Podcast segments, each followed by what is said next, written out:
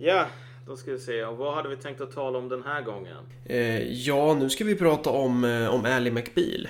Kolla, vad vi hade tänkt att tala om idag, det är alltså såna här saker som typ eh, egentligen tv-serier som riktar sig till kvinnor och vad det är som utmärker dem. Och sen kommer vi inte bara tala om det, utan vi kommer också tala om alltså när vi har dragit fram den här strukturen så kommer vi att visa varför en liknande struktur ganska mycket finns inom politiken. Så Mm. det är därför som man talar om Ally McBeal. Inte på grund av att så här, Ally McBeal är sjukt relevant idag, utan för att den sortens serie ironiskt nog säger lite grann om politiken 2017. Och grejen med Ally McBeal är ju att du nämnde ju det här med TV4. Eh, det är ju en klassiskt, eh, klassiskt exempel på en sån reklamkanal med programavbrott. Eh, där ju Ally McBeal ska in inom vissa liksom block av reklamer. Ally McBeal är ju ett sånt program som har nischats och liksom tagits fram för att det ska passa mellan typ, vad ska man ta för reklam? Eh, mensskydd och eh, pampersblöjor typ. Ja, eller kanske inte Eller typ Kanske. schampon. Ja, men typ sådana grejer i alla fall. Eh, Det, det, det intressanta här är ju så här att det finns ju en hel del serier som är verkligen nischade till typ kvinnor. Mm. Eh, och många av dem håller på ganska länge. Vi, vi, vi kan ta några så här exempel som de flesta känner till. Det finns ju den här serien som heter Supernatural. Så finns det ju såna här grejer som Sex and the City, Gilmore Girls. Jag Friends. frågade min flickvän vad hon gillade för serier Ja. angående att vi skulle göra det här avsnittet och då sa hon Grey's Anatomy. Och då Ja. frågade jag, ja, vi kan ju komma in på det här sen, men jag, jag frågade vad som händer i den serien. Och då sa hon eh, att, det, att det är en läkare. Ja just det, Grey's Anatomy. Det är ju också en sån där verkligen en serie som hållit på ett bra tag tror jag. Ja. Ehm, det intressanta med så här serier som riktar sig till kvinnor, det är man kan kontrastera lite grann det här med den här klassiska eposet. Liksom. Ja. Det, det inom citationstecken maskulina eposet. Det, man, Och i- det man skulle kalla Heroes Journey va? Ja, precis. I ett epos så är det så här att du har en huvudperson. Och den här huvudpersonen eh, börjar sagan som någonting. Det kan vara ofta ganska ung. Och sen är det någonting som händer. Det kommer eh, mörka ryttare till liksom, The Shire. Eller så är det orcher som invaderar. Eller så är det whatever liksom. Omständigheterna tvingar karaktären till att utvecklas. Exakt. Alltså, den här karaktären, det är massor med hemska omständigheter som man måste lösa. Men lösningen på de här omständigheterna är intimt förknippade med en utveckling som person. Exakt. En utveckling av karaktären. Ja, exakt. Ja.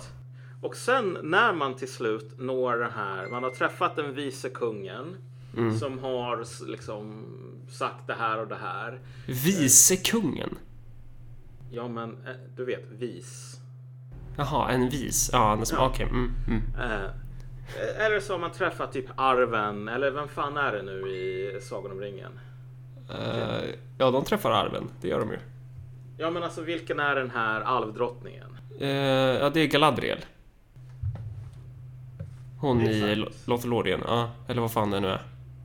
Nej, man, man, man träffar den här Galadriel och så får Ja. man eh, råd och tips om liksom hur man ska besegra den här hemska, eh, vad fan heter han nu igen? Sauron, precis. Och sen så Ja. är det bara så att eh, i- takt med att man försöker ta den här jävla ringen till Mount Doom så utvecklas relationen mellan eh, Frodo och Bilbo. Nej, vad säger jag? Ja, men Frodo och Bilbo, men också Frodo och Sam. Frodo växer upp som person. Gandalf går från Gandalf den gråa till Gandalf den vite. Etc, etc liksom. Och sen när den här historien tar slut så är anledningen till att den kan ta slut att personerna är helt annorlunda än när de börjar. Det är liksom det klassiska eposet. The Hero's Journey, precis som du sa. Och motsvarigheten är då till exempel att, att karaktärerna förblir likadana. Det är Ja. bara om, omgivningen förändras. Det händer nya grejer. Men karaktärerna förändras inte. Exakt. Och det finns en poäng med det här. Alltså att, att det ser ut så med tv-serier. Även Mm. tv-serier som ofta är eh, ämnade och att liksom, de vänder sig mot ganska mycket män. Mm. South Park är ett sånt exempel. Ja, precis. Att så här, du, de, de är ju likadana oavsett om du kollar på ett avsnitt i säsong 1 eller säsong 10. Ja. Simpsons är ett annat perfekt exempel. Men Mm. Simpsons har, har ju hållit på så himla länge.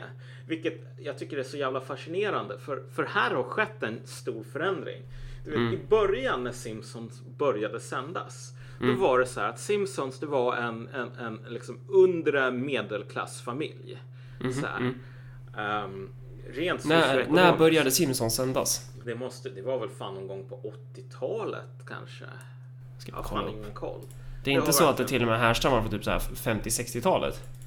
Ja, nej men det Simpsons den kanske det serie som har hållit på bland de längsta liksom, tv-serierna sådär. Grejen är, i början på The Simpsons, det här är lite av en sidopoäng, men i början så var det så, de här var lägre medelklass. Eh, så här, åker på semester ibland, har typ två bilar, en hemmafru liksom. Ja. Jag menar, idag så har ju inte deras situation förändrats. Det är bara det att om du är en jävla en sån där familj där folk har råd att ha en hemmafru. Ja, just det. Alltså då är du ju inte under och medelklass för fem öre. 1987 verkar det som de började sådana eller? Så, så, så liksom under den här 30 åren så har det skett en ganska stor förändring så. Men själva serien är ju statisk. Samma grej med typ Ally McBeal till exempel. För i Ally McBeal, det, det täcker det här unga advokaten i x antal säsonger på den här advokatbyrån. Och så har du alla de här förvecklingarna. Alltså Ally McBeal är, konfronteras hela tiden med massor med olika situationer. Eh, det kommer den här nya advokaten eller så är det den här liksom, pojkvännen som hon har. Eller så är det några intriger mellan liksom, hennes kvinnliga arbetskamrater. Bla bla bla. Liksom. Ändrade omständigheter. Egentligen så händer inte ett skit. För hon, Nej. hon är likadan hela tiden. Ja men precis. Alltså alla saker som händer är ju bara en konstant karaktär som ertappas med omständigheter som till slut blir lösta på något sätt. Sex and the City är väl likadant också? Ja, de, precis. de typ knullar runt och sen så 10-15 år senare så knullar de runt. Exakt. Ja. Och det är bara så här att i, i en del av de här serierna så har det verkligen varit så att från början, eh, liksom från säsong 1 till säsong 15 eller någonting, så har du kunnat se alltså hur de här människorna, de, de får mer och mer rynkor typ. Ehm, men men en, en kvinna som i början är den här liksom 30-åriga liksom, yngre kvinnan som är håller på och typ blir jagad av massa män kan bli så här 45, 46, 47 och så ser man liksom. Men de Ja. flesta människor så funkar ju inte det här så här. Att om du tänker dig, du och jag, när vi var 20 så var vi radikalt annorlunda människor än eh, vad vi är idag. Och sättet som vi har löst liksom såna här grejer, motgångar och liknande i livet, det är ju genom Att anpassa liksom, oss. Ja, men precis. Man växer upp. Man Ja. blir en annan person. Man tar den här, de här yttre omständigheterna, man internaliserar dem, gör det som en del av den egna Mm. eh, ehm, Karaktären. karaktären. Och så går man vidare. Och det här är också en annan sån här sak med typ om du tänker Ally McBeal eller någonting. Ja. Ehm, det är ofta så att antingen så dör personer eller så bara flyttar de iväg. Så här. En pojkvän dör eller liksom visar sig vara galning, psykopat eller något sånt. Och då är det så här ett avsnitt där det bara åh gud vad dåligt jag mår över det här och sen så går den här personen vidare. Men om du tänker dig i verkligheten. Det enda sättet som en människa kan överleva. Vi säger att du är en förälder, du har två barn. De här barnen dör i en olycka. Det enda sättet som du kan överleva alltså en sån grej. Det är ju att du blir en radikalt annorlunda människa. Alltså, du kommer att gå ut ur den här sorgeprocessen som någonting annat. Som en person som har lärt sig att hantera den här sorgen genom att anamma en ny syn på världen, vad som är viktigt, bla bla bla. Liksom sådär. Så är det aldrig i de här serierna. Nej. Det skulle vara intressant att låta typ George R.R. Martin eh, få får gå in och gröpa lite i Sex and the City eller typ Grey's Anatomy. Och så helt plötsligt kommer karaktärerna börja ha massa intriger och ha ihjäl varann. Någon jävel blir kidnappad, klipper av kuken på honom. Alltså, han är ju ett praktexempel på hur, karaktär, hur man, hur man liksom lustmördar sina egna huvudpersoner typ. Jo, men precis. Sen är ju inte det kanske ett epos där det finns ett slut eftersom det är så jävla bra så det kan ju inte ta slut. Typ. Det bara fortsätter. Det, det finns inte den eposkonstruktionen i Game of Thrones, men det är ändå ett exempel på eh, alltså en stark kontrast till karaktärsresor om man säger så. Jämfört med de här jävla eh, ja, det som jag skulle säga där är väl bara att alltså Game of Thrones svaghet som ett litterärt verk är ju så här att okej, okay, du har alla de här olika personerna med sina liksom personliga arcs. Sen så mm. blir de bara mördade helt plötsligt liksom och sen är det slut med det. Mm. Uh, och du har, det här är ju inte ett epos i den bemärkelsen att alltså den här, det finns inte en grundläggande konflikt i det här metoset liksom. Där en eller flera personers eh, hanterande av sin egen, liksom, sina egna interna konflikter löser den större grejen i det här universumet. Det finns mm. inget Mount Doom. Det finns ingen jävla ring. Mm. Utan det är bara massor med människor som kommer in och sen liksom så klipper någon av kuken av dem och sen bara oj shit, det här måste jag hantera. Nu har jag ingen ja. kuk längre. Och så blir de mördare till slut. Visserligen så har du den här lilla detaljen med att de döda reser sig igen och börjar gå söderut och ska dra vinter över hela jävla världen. Exakt, men alltså han har inte ja. lyckats skriva något så här. Frågan är om han klarar av och han har ju haft erkänt själv att han har ganska mycket problem med det här och skriva ett mm. slut. Mm. Det är det som är utmärker ett sånt här epos. Det är ju att det har en början, det har en mitten, det har ett slut. Mm. Och alla de här sakerna hänger ihop därför att det är som eh, det är liksom det är intimt förknippat med den liksom personliga ja, en... växten, ja. liksom, utvecklingen hos vissa karaktärer. Jag måste bara kasta in en grej. Det litterära verket heter ju A Song of Ice and Fire, så vi, så vi inte upprör vår främsta fanbase här då. Ja. Uh, men, men hur som helst, alltså, det intressanta är ju att det är jävligt många kvinnor som gillar de här grejerna. Liksom. Ja. Um, jag, jag, tycker att det är sjukt fascinerande liksom. Uh, just den här sortens serier där det verkligen är Ja, men du kan kolla på avsnitt i säsong 7 i Ally McBeal. Mm. Och det kommer nog att vara lite karaktärer kanske från säsong 1 som kom, inte kommer att vara där. Men det kommer inte att vara någon större problem att börja kolla från säsong 7. Ha skippat en liksom sex säsonger. Nej, jag frågade Jossan om alltså handlingen i Grey's Anatomy. Ja. Och då så sa jag det, ja men utvecklas karaktären överhuvudtaget? Och då tyckte hon att ja, det gör den ju. För att först så är ju karaktären typ AT-läkare eller någonting. Ja. Och sen så blir ju karaktären specialistläkare. Och det, och där har vi det. Ja, men det, är, det fan inte utveckling. Liksom. Och det är ju det som är grejen. Vad folk vill ha, det är de här karaktärerna de känner igen.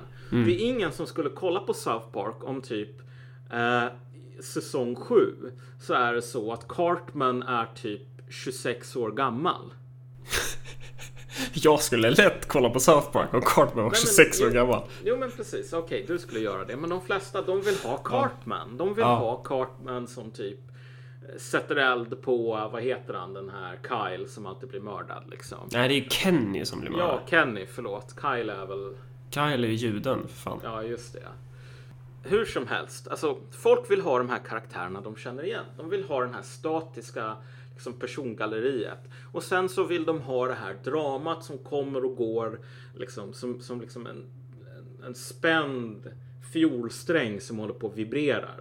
Men kan, kan, man, kan man hävda att det är Eh, för just den, heter det dramaturgi? Kan man hävda att den liksom dramakonstellationen, eller vad man ska säga, den konstruktionen på berättelse, är den specifik för kvinnor? Det är det väl inte? Det finns, som vi sa tidigare, jag menar South Park den riktar sig mot män. Det finns ju andra serier som riktar sig mot män, som, som också har den här med att, att karaktärerna är konstanta men om, omvärlden förändras. Och ja, karaktärerna blir konstanta. Jag tror så. väl snarare så här att det finns, det här är liksom det här eposet har alltid sett som en i grund och botten maskulin äh, berättelsestruktur. Liksom, om du ser tillbaks här. Vad, vad tyckte folk som skrev typ Iliaden så här. Är det här en maskulin berättelse? Då skulle de säga jo, men det är det självklart. Därför att en maskulin berättelse ser ut så här. Liksom. Ja, och men där menar du inte att, att det är liksom av män för män, eller? För att det finns, Nej. det finns väl kvinnliga författare som skriver Heroes Journey också, givetvis. Exakt, det finns ju den här, vad heter den? Um, The Assassin Trilogy av hon Robin Hobb till exempel. Ett perfekt exempel på liksom, det här är ju en otroligt maskulin i, liksom inom citationstecken, trilogi. Ja. Därför att den har en början med den här personen som kanske är sex år eller någonting och han är en sån här oäkting. Ehm, och sen i slutet så är han 35 eller någonting. Och för Och så har det hänt kunna... grejer då. Ja, Han har utvecklats. Mm. Liksom. Men, men... Så... Vad är egentligen då... Vad är våran take på att det här med Ally McBeal och det här med, alltså när vi menar... ehm, en, en, hur kommer det sig att de här serierna är nischade mot kvinnor? Va- varför, varför flyter de? Vad är det i det som gör det då? Vad är... Alltså, Det här är ju den... Här kommer vi in på den här intressanta frågan om ja, men varför ser det ut så här? ja. Det, det, det finns ju nyligen, nu när vi lever i det här liksom big data-samhället så innebär ju det att människor har möjlighet att övervaka folk när de är liksom mellan skål och vägg. Eh, och nyligen så publiceras ju, det var ju någon bok där man bara skrev om så här, typ porr. Så här, vad söker män och kvinnor på för porr? Och Ja. då var det dels så här sökningar från Pornhub och lite så här från Google överlag. Och då visar det sig att så här, de som söker på Pornhub eh, efter eh, porr som det är liksom förnedrande våldsamhet mot kvinnor. Det är så här, majoriteten är kvinnor. Eh, och då såg jag ju liksom efter att det postades så var det ju de här, alla de här teorierna för att man skulle behålla den här i grund och botten liksom. Det här passar inte in med feministisk ideologi. Man vill ha en annan könsstereotyp beskrivning av kvinnan då helt enkelt. Eh, Ja, men precis. Så Liksom, vad var förklaringen till det här? Jo, men det var att typ män registrerar konton som kvinnor. Ja, det är Eh, klart. och så söker de på den här porren. Men jag tänker så här, det var ju ingen som berättade för Pornhubs besökare om att man skulle göra den här undersökningen. Så det är ju bara nonsens. Men de, de visste det på förhand. Ja. Och sen bara okej, men det här är någonting som kvinnor gör på grund av att det är liksom, de har internaliserat det här på grund av patriarkatet. Typ. Här, Ja, just det. Patriarkala värderingar lär kvinnor att hata sin egen kropp och hata sig själva. Så därför så har de den här förnedrings, liksom porren. Eh, som gör, eh, liksom, det här är, män har tutat i dem. Det, här. det första som man kan säga om en sån teori, det är ju att den är otroligt nedvärderande mot kvinnor egentligen. Ja. Det är så här, kvinnor, de är då har man ju köpt det här att män agerar, kvinnor reagerar liksom. Och framförallt så är ju, alltså när man säger att det är internaliserat via patriarkatet, då menar man ju också att kvinnorollen på ett visst sätt, den är ju också konstant. Den är bestämd. Mm. Och allting, allt som, allting som säger emot den modellen bortförklarar man då utifrån den modellen. Förstår Ja du? men exakt. Det är så här. Ja men de här beter sig inte som riktiga kvinnor liksom. Därför så är det så här män som har tutat i dem. Ja. Vilket är en väldigt konstig grej position att ha när man ska försöka argumentera för någon sån här radikal socialkonstruktivism. Problemet det här är väl också så här att alltså man överskattar totalt och det här kan vi återkomma till lite senare. Men det finns ju en sån här övertro på att män är sjukt intresserade av att, vad kvinnor håller på med när det inte finns män med i bilden. Det här, att, att vad kvinnor tänker eller vad fan de har liksom så här våta drömmar om. Det är någonting som är av ytterst intresse för män, frimurare, patriarker. Så att de sitter och diskuterar. Men vilka sexuella fantasier tycker vi det är okej för kvinnor att ha? Och det där, alltså det, som du och jag kan berätta här eftersom vi är män och som sådana är liksom medlemmar i frimurarorden och juvenalorden och alla de här grejerna där man bestämmer saker. Mm. Ja, juvenalorden är ju fortfarande en jävla parodi. eh, Alltså, det är ju trams. Ja, ja, det är det ju. Men Ja. alltså, De, de är ju inte... Frimurarna styr ju världen. Ja. Eh, som, som ju vissa ty- tror. Eh, men ju, juvenalorden, vad gör de? De dricker och sjunger. Ja, men precis. Men det är också en sån här, det är ett manligt space liksom. Det får inte vara kvinnor på juvenalordens tillställningar liksom. Det håller man stenhårt på. Förutom såna här spexgrejer typ som Vet vi det här? Jag kommer få smäll Ja. på fingrarna av brorsan om det är fel. Nej, men alltså JO tillåter inga kvinnliga medlemmar. Ah, Okej. Ja, men... Det det de har såna här spexgrejer som är till för folk som inte är medlemmar och där kan kvinnor få gå på i alla fall tror jag. Men Ja. alltså, eh, det är ganska många såna här ordersamhällen som inte tillåter kvinnor. Eh, Av en ganska god anledning. Som inte har så himla mycket med liksom så här kvinnohat att göra utan med homosocialitet. Eh, Men, men hur som helst. Om du tänker dig en sån här homosocial miljö, det vill säga att det är Ja. män som sitter med bara andra män. Mm. Eh, väldigt få kvinnor verkar ha någon större liksom, koll på men vad är det man håller på med. Vilket är varför det är mycket så här kvinnlig, alltså media som riktar sig till kvinnor. Då finns det alltid liksom en sån här fascination av det här bromance typ. Men också liksom en liten sån här misstanke om att om, om det bara är om du tänker den här Nile City liksom brandstationen liksom. Ja. Sådana rum, det måste alltid vara en stor jävla homosexuell laddning där. Mm. Misstänker man. Så är det ju inte i praktiken.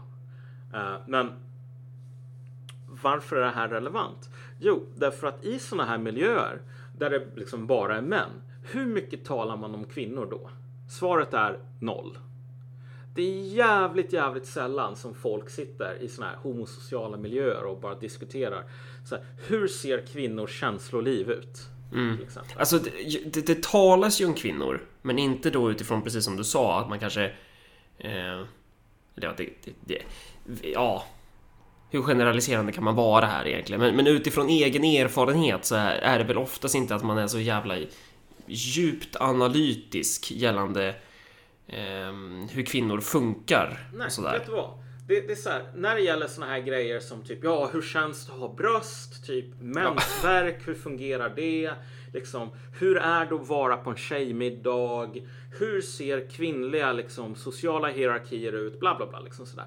Det, det är totalt irrelevant. Alltså, det, är, det är ingen som är intresserad av det i princip. Nej. Alltså, när kvinnor kommer till tal, alltså kommer på tal i såna här miljöer, då är det mer så här, hjälp min flickvän är sur. Så här, ungefär som, hjälp min dator har fått virus. Kan någon hjälpa mig? Vad ska jag mata henne med? Ja, precis. Och så kommer det så här troubleshooting liksom. Har du testat att trycka på på-knappen liksom? Här. Och sen när det, sen när det är liksom över, då, då är det ingen som talar om det här längre. Liksom. Nej.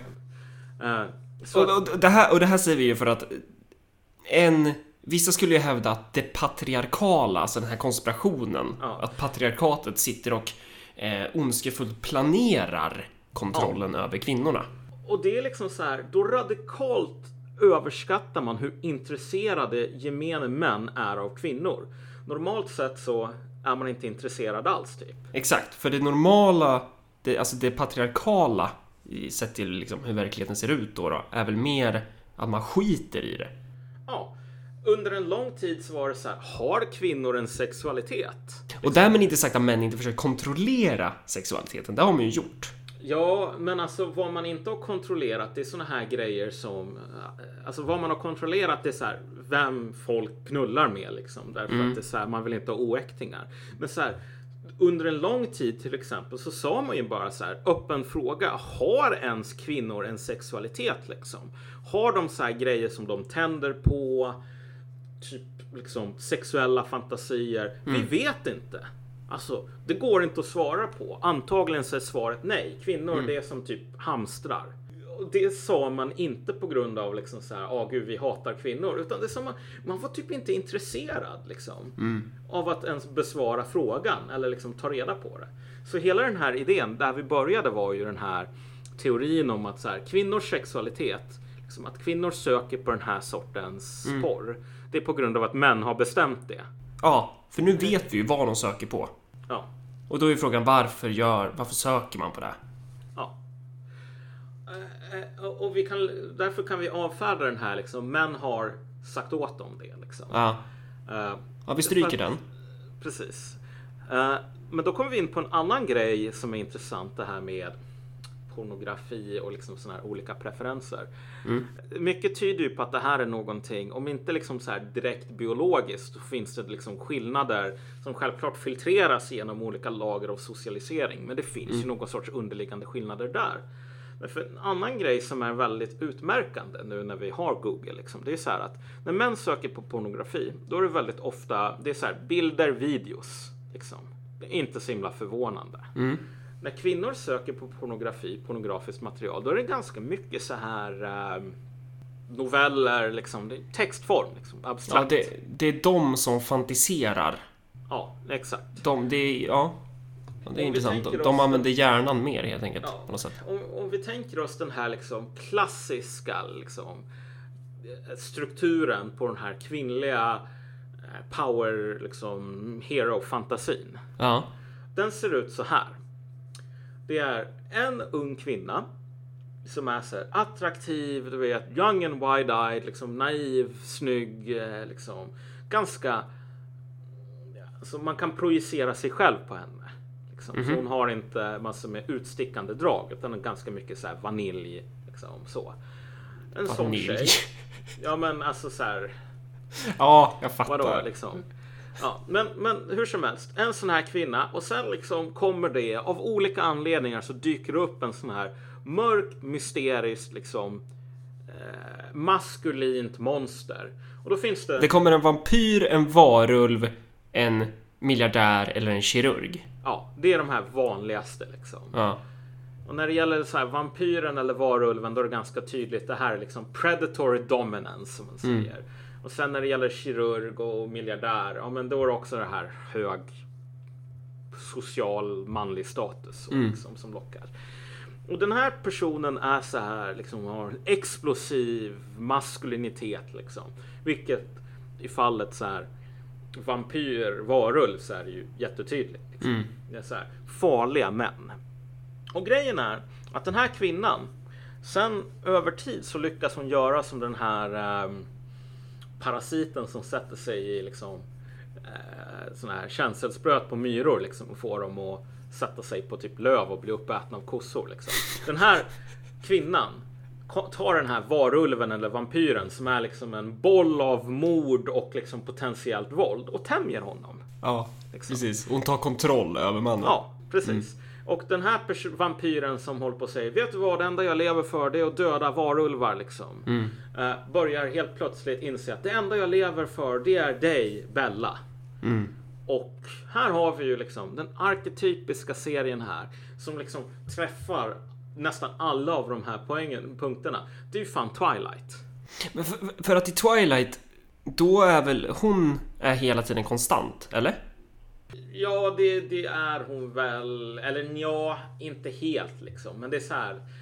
eh, Här ser vi ändå den här liksom den här sexuella fantasin om du tänker dig. Ja, Liksom. jo. Det Ja, det, är ju en berättelse anpassad för kvinnor.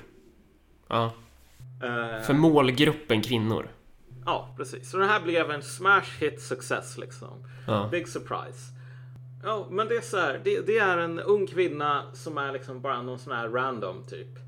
Det finns inget speciellt med henne. Men sen så kommer en vampyr och en jävla varulv. Som Ja. bara shit, den här vanliga tjejen i högstadiet är så jävla liksom. Hela mitt liv börjar kretsa kring henne. Uh, fan, nu har vi hållit på och spånat lite grann om såna här liksom sexuella fantasier, olika narrativ och sånt där. Och varför är det här egentligen intressant?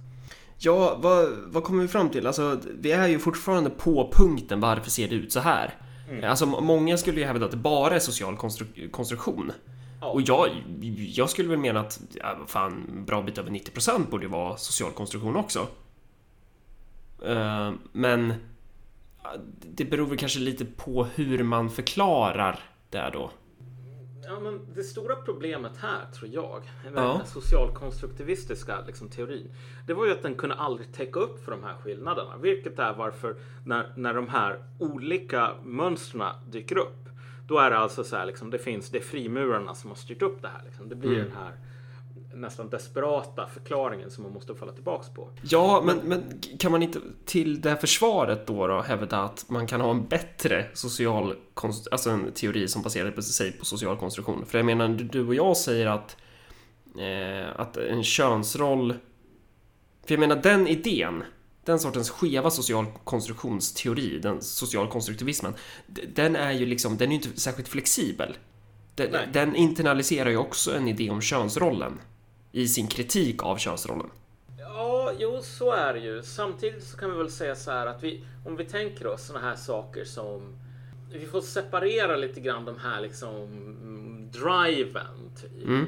med liksom sådana här könsroller i bemärkelsen jag är en man, jag är förväntad att göra det här. Mm. Jag måste göra det för att tävla om liksom så manlig social status.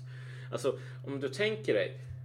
Det är inte så himla mycket könsroller egentligen som kommer in när man sätter sig och söker på porr på Pornhub på det sättet. Alltså det är ju mm. inte så här interpersonella sådana i alla fall.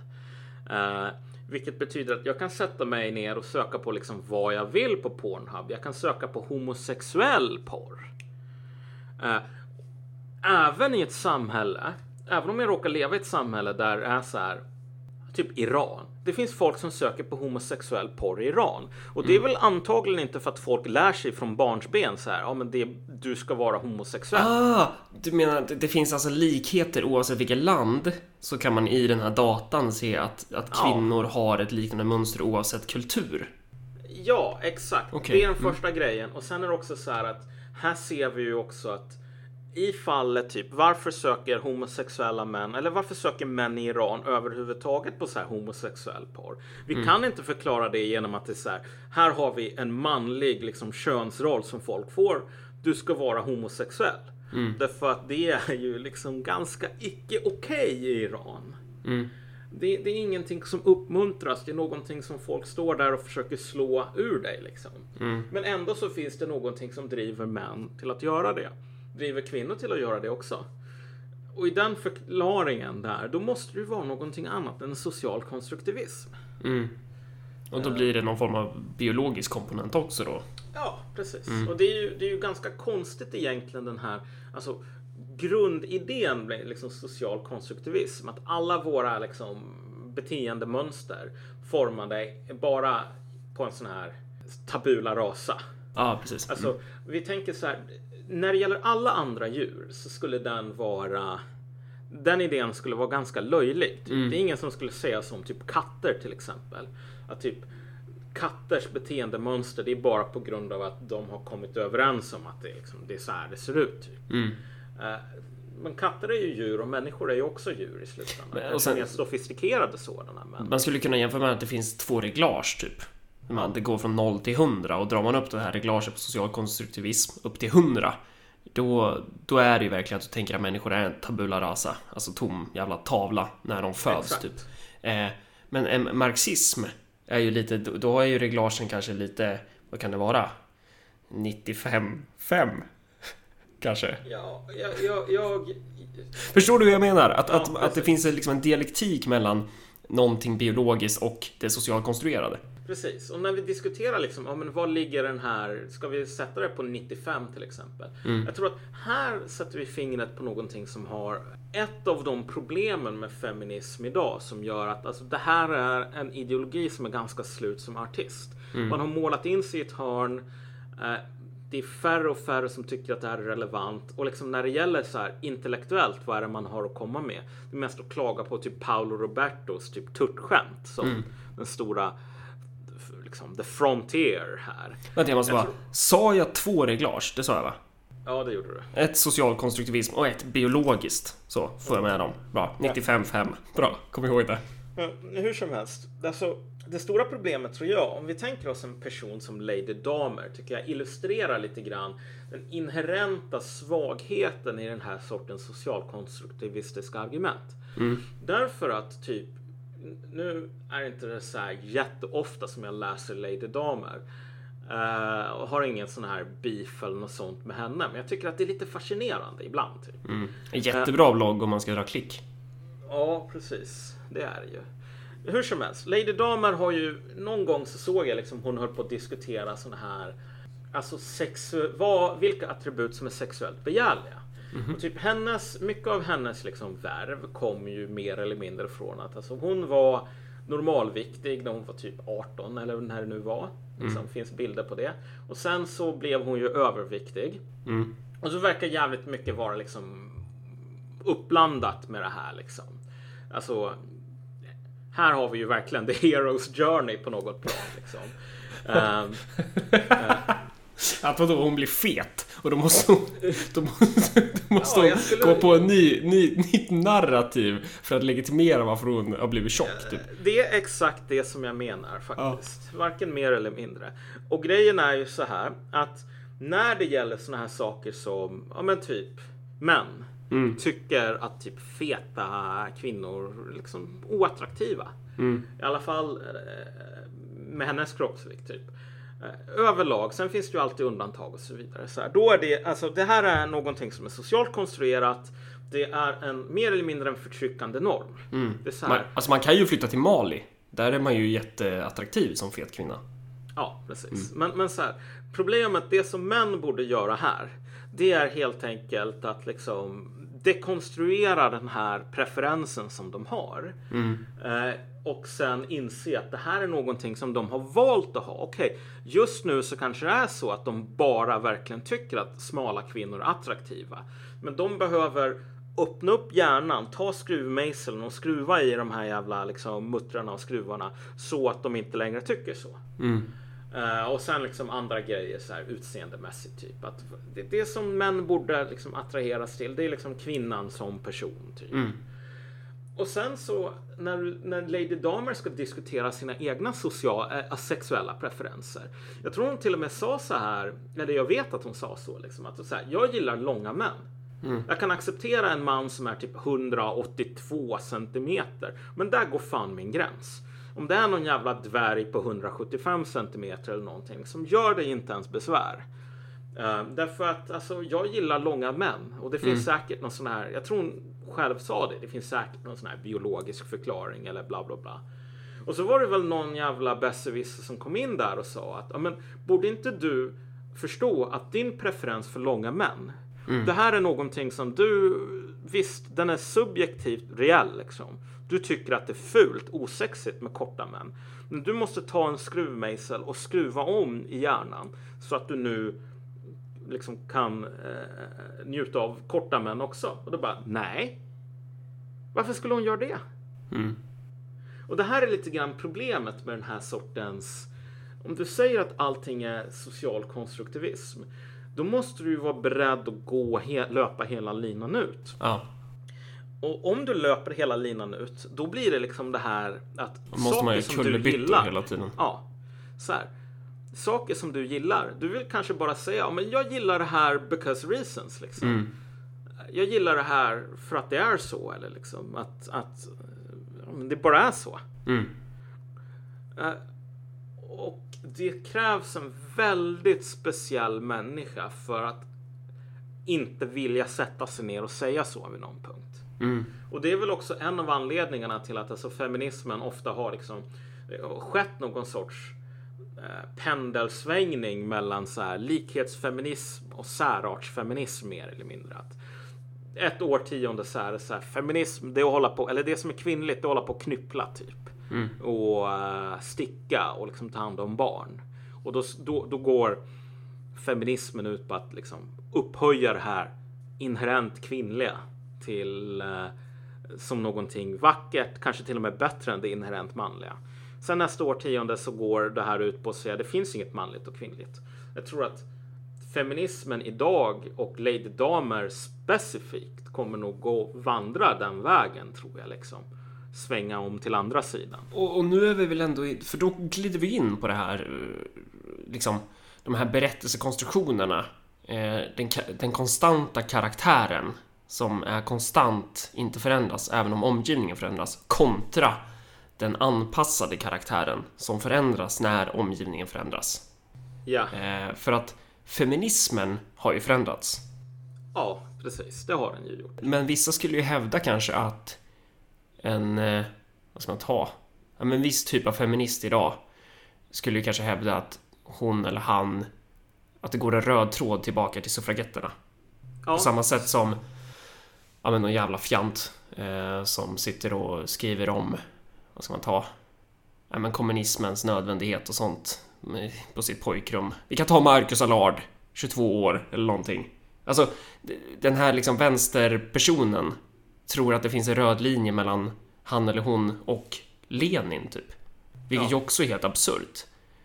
Så att även är- om, även om så här kommunismen, feminismen, alla ideologier egentligen har ju eh, Eh, är ju exempel på karaktärer som tvingas anpassa sig genom historien för att samhället förändras. Men ändå så har vi ju, det har vi pratat om tidigare, den här eh, historiesynen på att vi liksom blickar tillbaka och tror att det är samma sak. Vi försöker förstå det där för hundra år sedan utifrån våra, e-, utifrån våra nuvarande kulturella samtidsperspektiv, typ. Ja, och det, det här har, nu kommer vi in på anledningen varför den personen som plockar isär och analyserar typ Grey's Anatomy, Ally McBeal, Gilmore Girls, Supernatural också har plockat isär och analyserat liksom mycket av den här politiska diskussionen i våran samtid och varför så jävla mycket politik bara är katastrof. Därför att de här politiska narrativen som folk väljer idag och det sättet som de tänker. Det är ju mer eller mindre samma sak som strukturen som typ manusförfattarna bakom Ally McBeal har när de ska sälja typ tvål och schampo till kvinnor. Det är liksom, det är samma sorts struktur. Vi kan ta ett specifikt exempel här.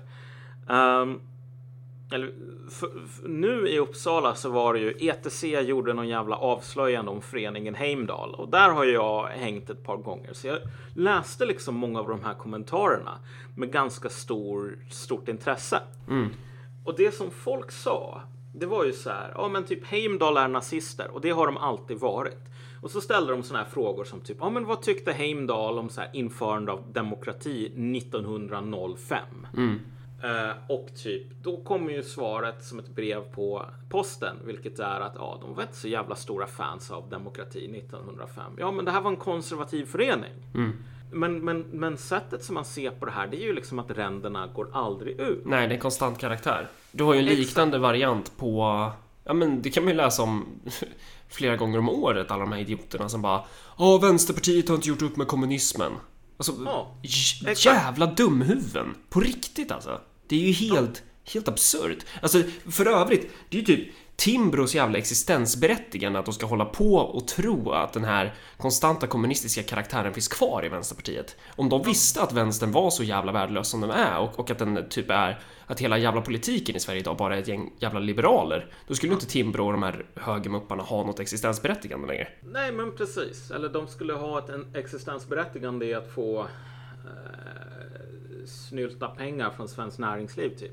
Ja, Så att man kan betala fina middagar. Men jag menar, de skulle inte kunna motivera det med att de eh, håller stången mot Sovjetunionen som full för typ 150 år sedan. Ja men alltså precis. Men grejen är, för varje jävla mongo-idiot som säger "Eh, liksom vi vet ju att det här är liksom Heimdal eller typ vad det nu kan vara liksom Moderaterna. Nu har du sagt liksom som- jättemycket dock. Ja. Men det är, det får ni vänja er vid. Ja. Hur som helst. För varje sån här mongo-idiot som säger att Heimdal är precis som det var för hundra år sedan. Ränderna går aldrig ur. Bruna rötter, skelett i garderoben, bla bla bla bla bla bla bla. Så finns det eh, en idiot som säger Vänsterpartiet, Moskvarättegångarna, eh, Sovjet, den stora splittringen med socialdemokratin, bla bla bla bla bla. bla. Eller SD är lika med NSDAP. Ja, precis. Ja. SD, nazister i kostym. Därför att liksom för en 30 år sedan så såg partiet ut så här. Bla, bla, bla. Saken är ju den att det här är ju, man har, precis som med Ally McBeal, så vill man ha de här karaktärerna. Man vill ha Ally McBeal som är en jävla ditzy girl som ser dansande bebisar. Och det gör de i säsong 1 och i säsong 7. Sen vill man ha Lucy Lou som är lite av en bitch. Och sen hon Porto del Rossi som är bara snygg. Eh, och eh, vare sig det är säsong 1 eller säsong 7 så vill man känna igen sig i de här. Ja. Alltså det här är ju någonting som är ganska likt hur alltså, såna här rasmystiker ser på ras. Alltså, Mm, om du precis. tänker dig althögen, hur de ser på det här. Eh, Som Daniel Friberg i Magister. Okej, Mm. vi har de här arierna. Eh, Indoeuropeerna. Mm. 1400 år sedan. Eller 2400 år sedan. Och sen så har vi Daniel Friberg idag. Mm.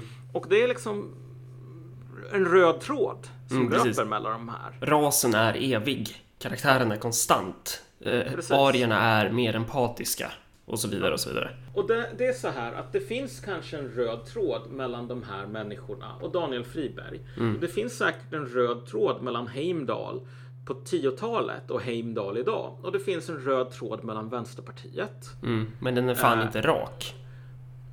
Alltså, eller det är snarare så här, man måste förstå vad man menar med en röd tråd. Ja. Därför att det finns en röd tråd mellan den här sexåringen i början på den här Assassin-trilogin och den här 35-åringen i slutet. Men det vore absurt för den här 35-åringen att säga jag är samma person då som nu.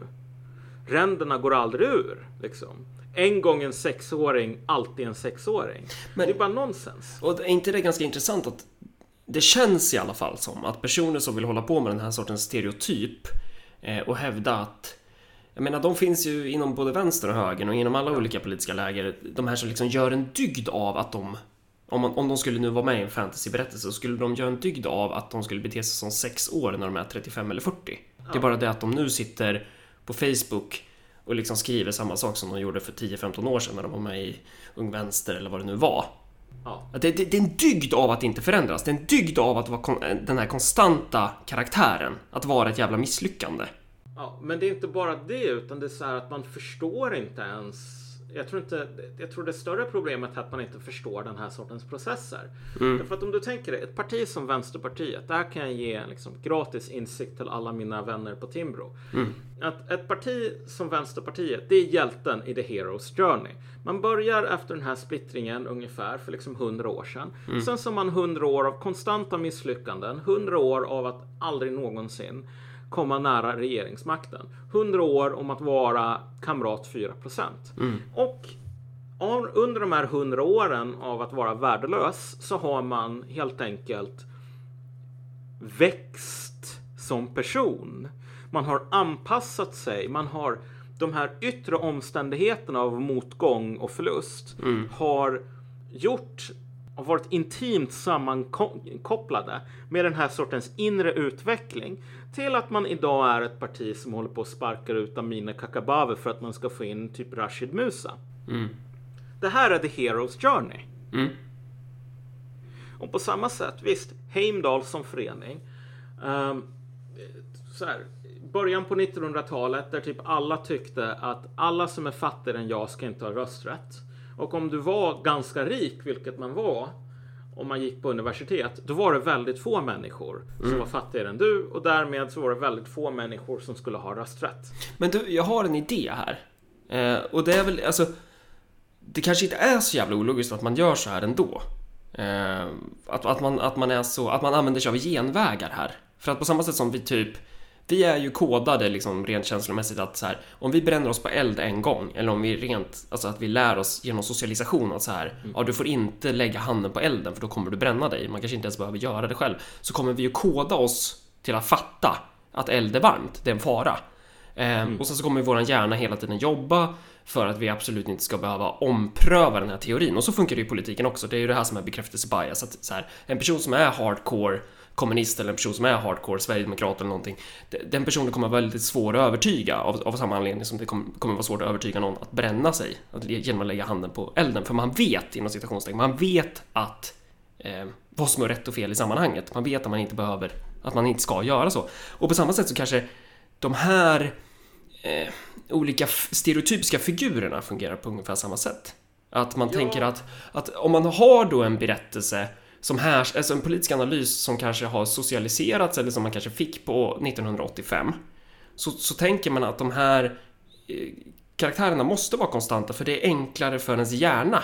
Det, det är jobbigt att ompröva, det är jobbigt att göra en Hero's Journey för varje komponent i det politiska landskapet. Förstår du? Exakt.